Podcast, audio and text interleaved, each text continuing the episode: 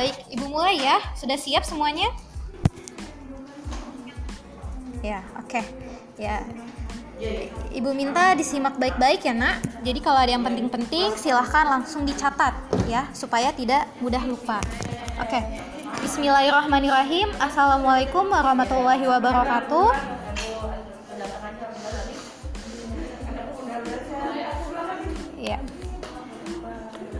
Selamat siang dan salam sejahtera untuk kita semua.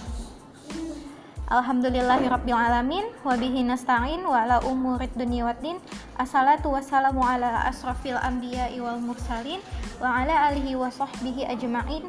Rabbi syrahli sadri wa yasirli amri Wahlul uqdatam min lisani yafqahu qawli. Amin. Amma ba'du. Oke.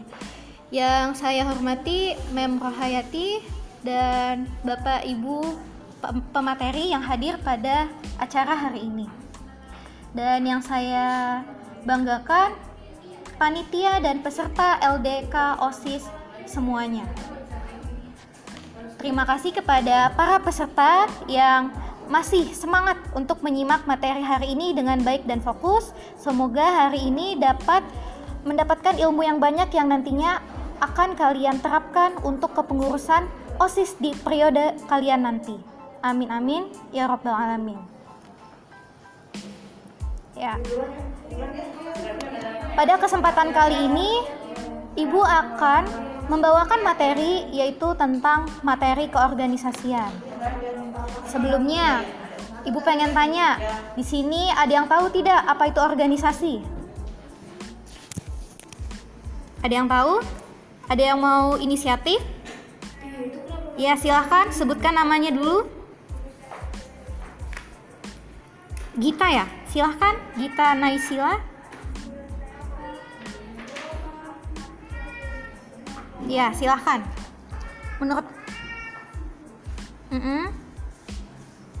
Coba bisa diulang, Nak?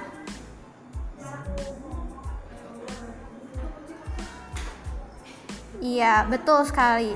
Uh, pendapat yang tadi Nak Gita sampaikan itu adalah benar bahwa organisasi adalah suatu kelompok yang memiliki tujuan bersama di mana secara lebih detail uh, itu memiliki apa nak? Biasanya visi dan misi. Apa itu visi? Visi itu tujuan-tujuan yang akan dicapai oleh suatu organisasi.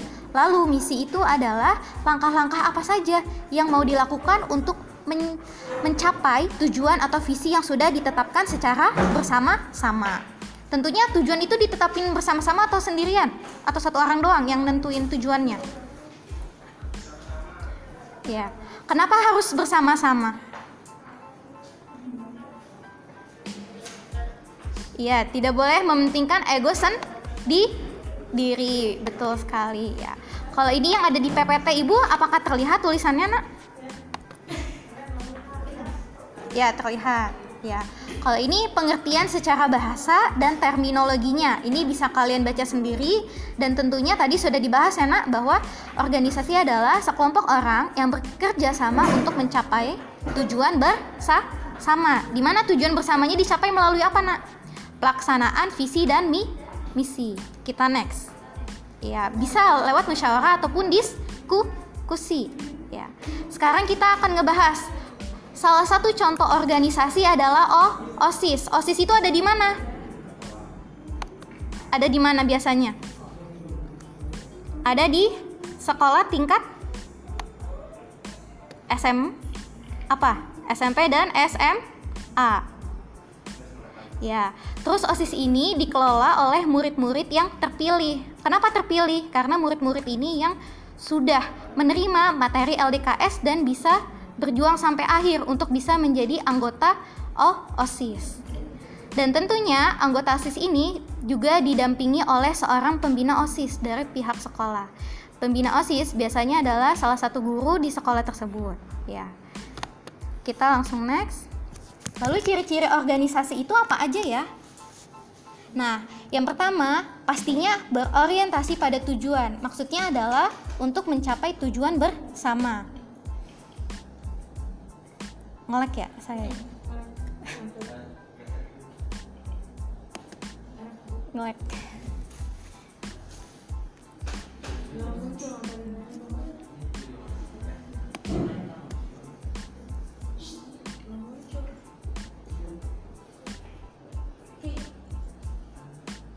sinyal-sinyal.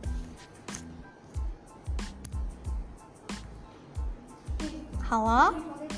Apakah suara ibu sudah terdengar? Halo? Halo? Eh ya halo? Apakah suara ibu sudah terdengar? Iya. Iya. Ibu share screen ulang ya. Tadi oke. Kita lanjut sekarang ke ciri organisasi. Yang pertama adalah memiliki apa nak? Tujuan bersama. Ada tujuan yang perlu dicapai oleh organisasi. Gimana caranya? Dengan kerja sama.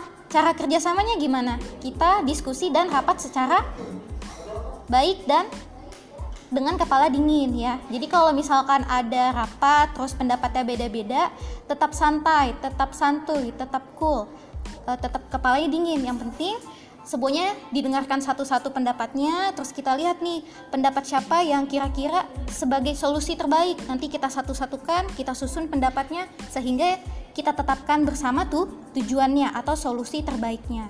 Lalu yang kedua eh, ciri-ciri organisasi itu adalah memiliki susunan kelompok. Maksudnya adalah dalam organisasi tentunya pasti ada ketua ya betul tidak? Ya ya Tentunya ketua ini yang mengarahkan dan memberikan pengarahan kepada anggota-anggotanya supaya tujuannya bisa tercapai. Ya.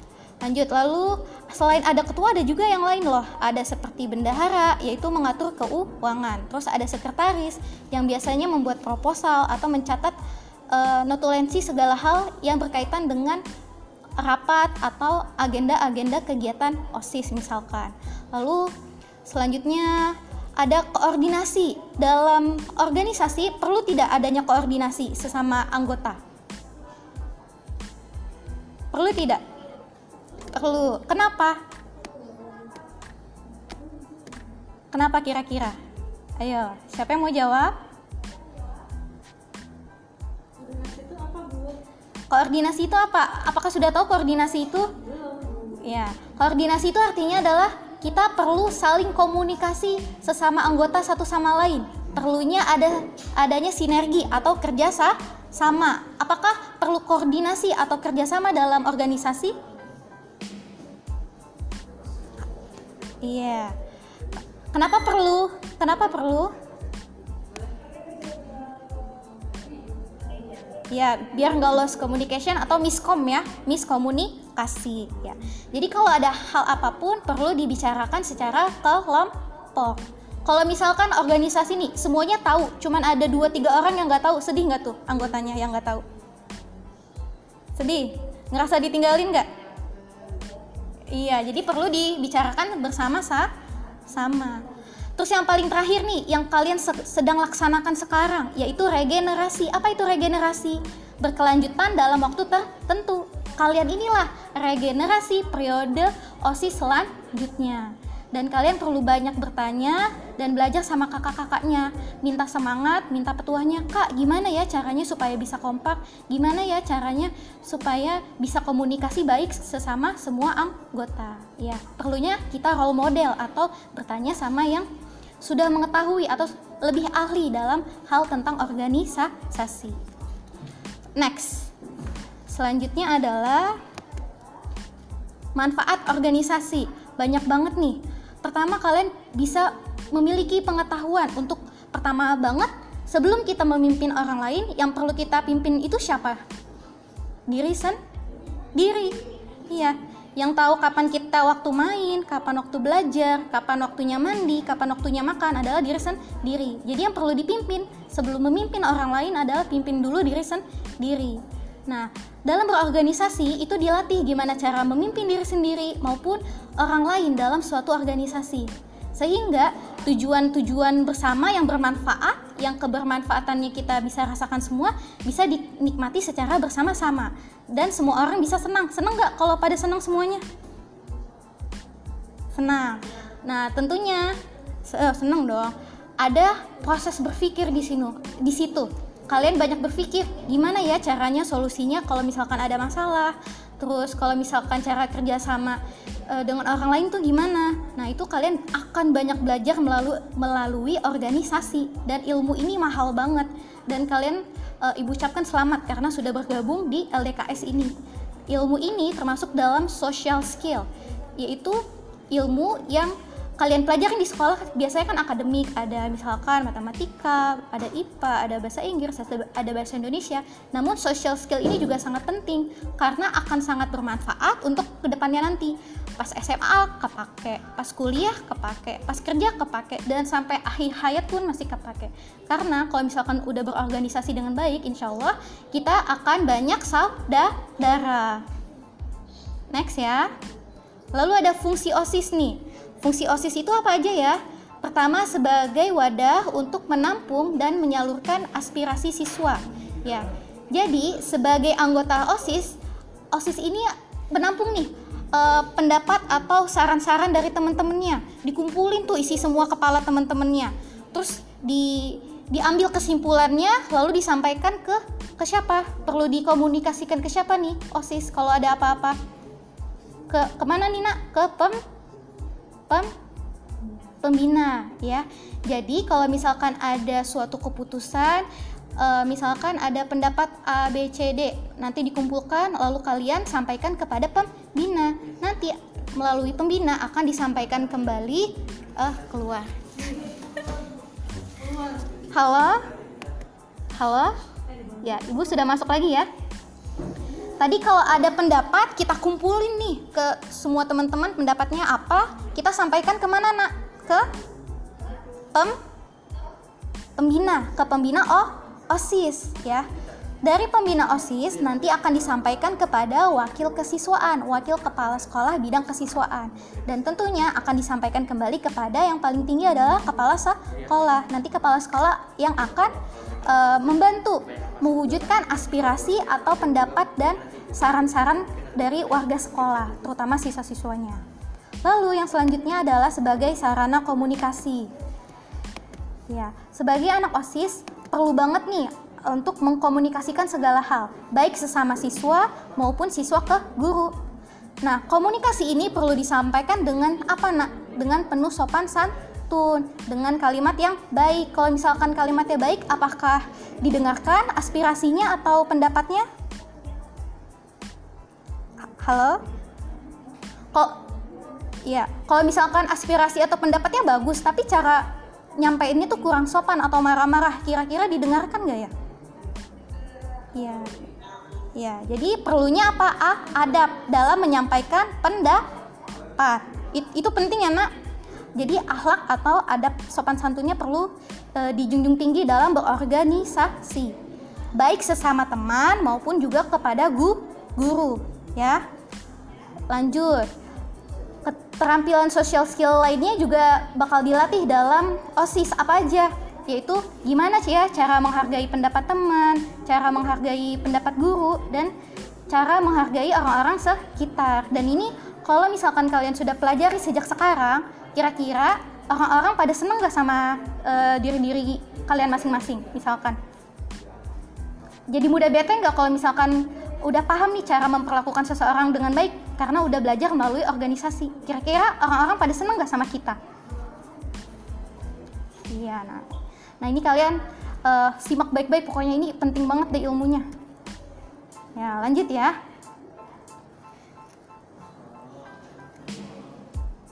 Next PPT-nya. Ya, ini ada apa nih gambar apa sekarang?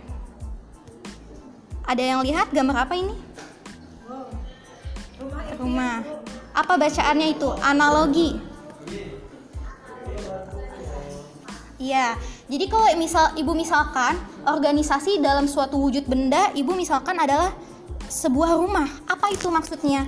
Jadi misalkan eh, pondasi uh, itu apa pondasi? Tiang-tiangnya ya. Tiang-tiangnya itu adalah kumpulan semua anggota-anggota dari suatu organisasi, misalkan OSIS. Lalu tiang-tiangnya itu juga adalah visi misi apa tadi visi itu? Tujuan. Misi itu apa? Kalau misi langkah-langkah untuk meraih tuh tujuan. Iya. Terus ada juga dinding. Dindingnya apa? Kebersamaan seluruh anggota atau kekom Dalam organisasi perlu kompak gak? Kalau nggak kalau nggak kompak apa yang terjadi kira-kira? terpecah belah. Jadi nanti ya kalau kalian jadi pengurus OSIS jadilah uh, pengurus OSIS yang kom kompak ya. Lanjut ya. Sekarang ada namanya manajemen berorganisasi. Apa sih itu manajemen? Itu kan dari bahasa Inggris ya, manajemen. Manajemen itu artinya mengatur ya. Gimana sih cara menata uh, organisasi? Ada empat langkah. Yang pertama kita sebutnya itu POAK. P itu adalah planning atau rencana. O organizing adalah mengatur ya. Lalu ada actuating, act pelaksanaan. Terus ada controlling atau pengawasan. Misalkan kalian mau mengadakan acara 17-an Agustus. Kalau sekarang kan lagi pandemi, kira-kira acara 17-annya secara virtual atau uh, tatap muka?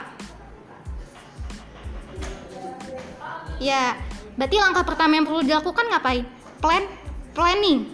Apa aja yang direncanakan? Direncanakan. Misalkan mau ada lomba lomba apa aja di lomba 17-an virtual itu misalkan lomba e-sport lomba e-sportnya mau apa Mobile Legend apa mau lomba apa eh coba mau lomba apa aja? Mobile Legend misalkan lomba apa lagi ya? Lomba menyanyi misalkan lomba melukis. Nah itu cara pelaksanaan lombanya gimana? Di share ke Instagram atau ke YouTube atau bagaimana? Nah itu perlu dibicarain tuh sesama anggota OSIS mengenai teknis lombanya gimana. Nah ingat nih ada quotes. Bunyinya if you fail to plan then you plan to fail apa artinya jika kamu gagal untuk berencana maka kamu sudah berencana untuk gak gak gagal jadi pentingnya perencanaan sebelum membuat suatu acara. Terus ada namanya organizing. Apa itu organiza organizing? Misalkan sudah direncanakan perlunya eh, miknya uh, ada yang nyala ya. Suara ibu menggema nih ibu dengar. Nah, organizing atau mengatur ini apa sih? Misalkan semua yang udah direncanakan dimasukin ke dalam proposal. Tadi sudah dapat materi proposal ya. Nah, semua yang direncanakan sudah dimasukin proposal untuk mengatur pelaksanaan kegiatan acara. Kalau sudah diatur habis itu diapakan? Dilaksanakan atau act actuating. Ya. Nah, pelaksananya gimana? Apakah bagus atau tidak? Makanya perlu adanya controlling atau pengawasan kita cek nih seksi seksi keamanannya sudah dijalankan belum job desk-nya job desk itu apa job description yaitu setiap orang sudah tahu job desk masing-masing maksudnya dia sudah tahu tugas-tugas dia itu apa aja untuk dilaksanakan kalau misalkan belum dilaksanakan maka di situ perlu dievaluasi untuk sebagai bahan perbaikan untuk acara selanjutnya. Nah, the last nih. Ya. Banyak gak di di contoh-contoh orang sukses yang kita lihat di TV? Dari organisasi. Misalkan contohnya gubernur kita siapa? Anies Baswedan ya. Kamu tahu nggak sebelum Pak Anies jadi gubernur, beliau itu menjadi apa? Iya, Menteri Pendidikan itu pemimpin bukan? Pemimpin. Pemimpin dong. Iya, pemimpin di Kementerian Pendidikan. Iya. Nah, itu beliau sebelumnya apa? Kementerian ya, di, jadi pemimpin. Namun sebelum jadi pemimpin, beliau juga pemimpin di uh, universitas, namanya rektor ya. Jadi kalau kepala sekolah di kuliahan namanya rektor. Nah, jadi kita bisa belajar nih dari orang-orang sukses bahwa sebelum dia berada di posisi tertinggi, sebelumnya dia itu ada di organisasi yang paling kecil dulu. Misalkan dari OSIS. Jadi siapa tahu nih, salah satu dari kalian di masa depan nanti adalah calon presiden. karena sudah ikut OSIS dari SMP. Ya, oke. Jadi tetap semangat terus dalam berorganisasi, dilaksanakan dengan penuh keikhlasan dan semangat dan juga ini bisa jadi ladang pahala untuk kita semua dalam organisasi. Oke, cukup sekian dari Ibu. Wabillahi taufiq wal hidayah. Wassalamualaikum warahmatullahi wabarakatuh.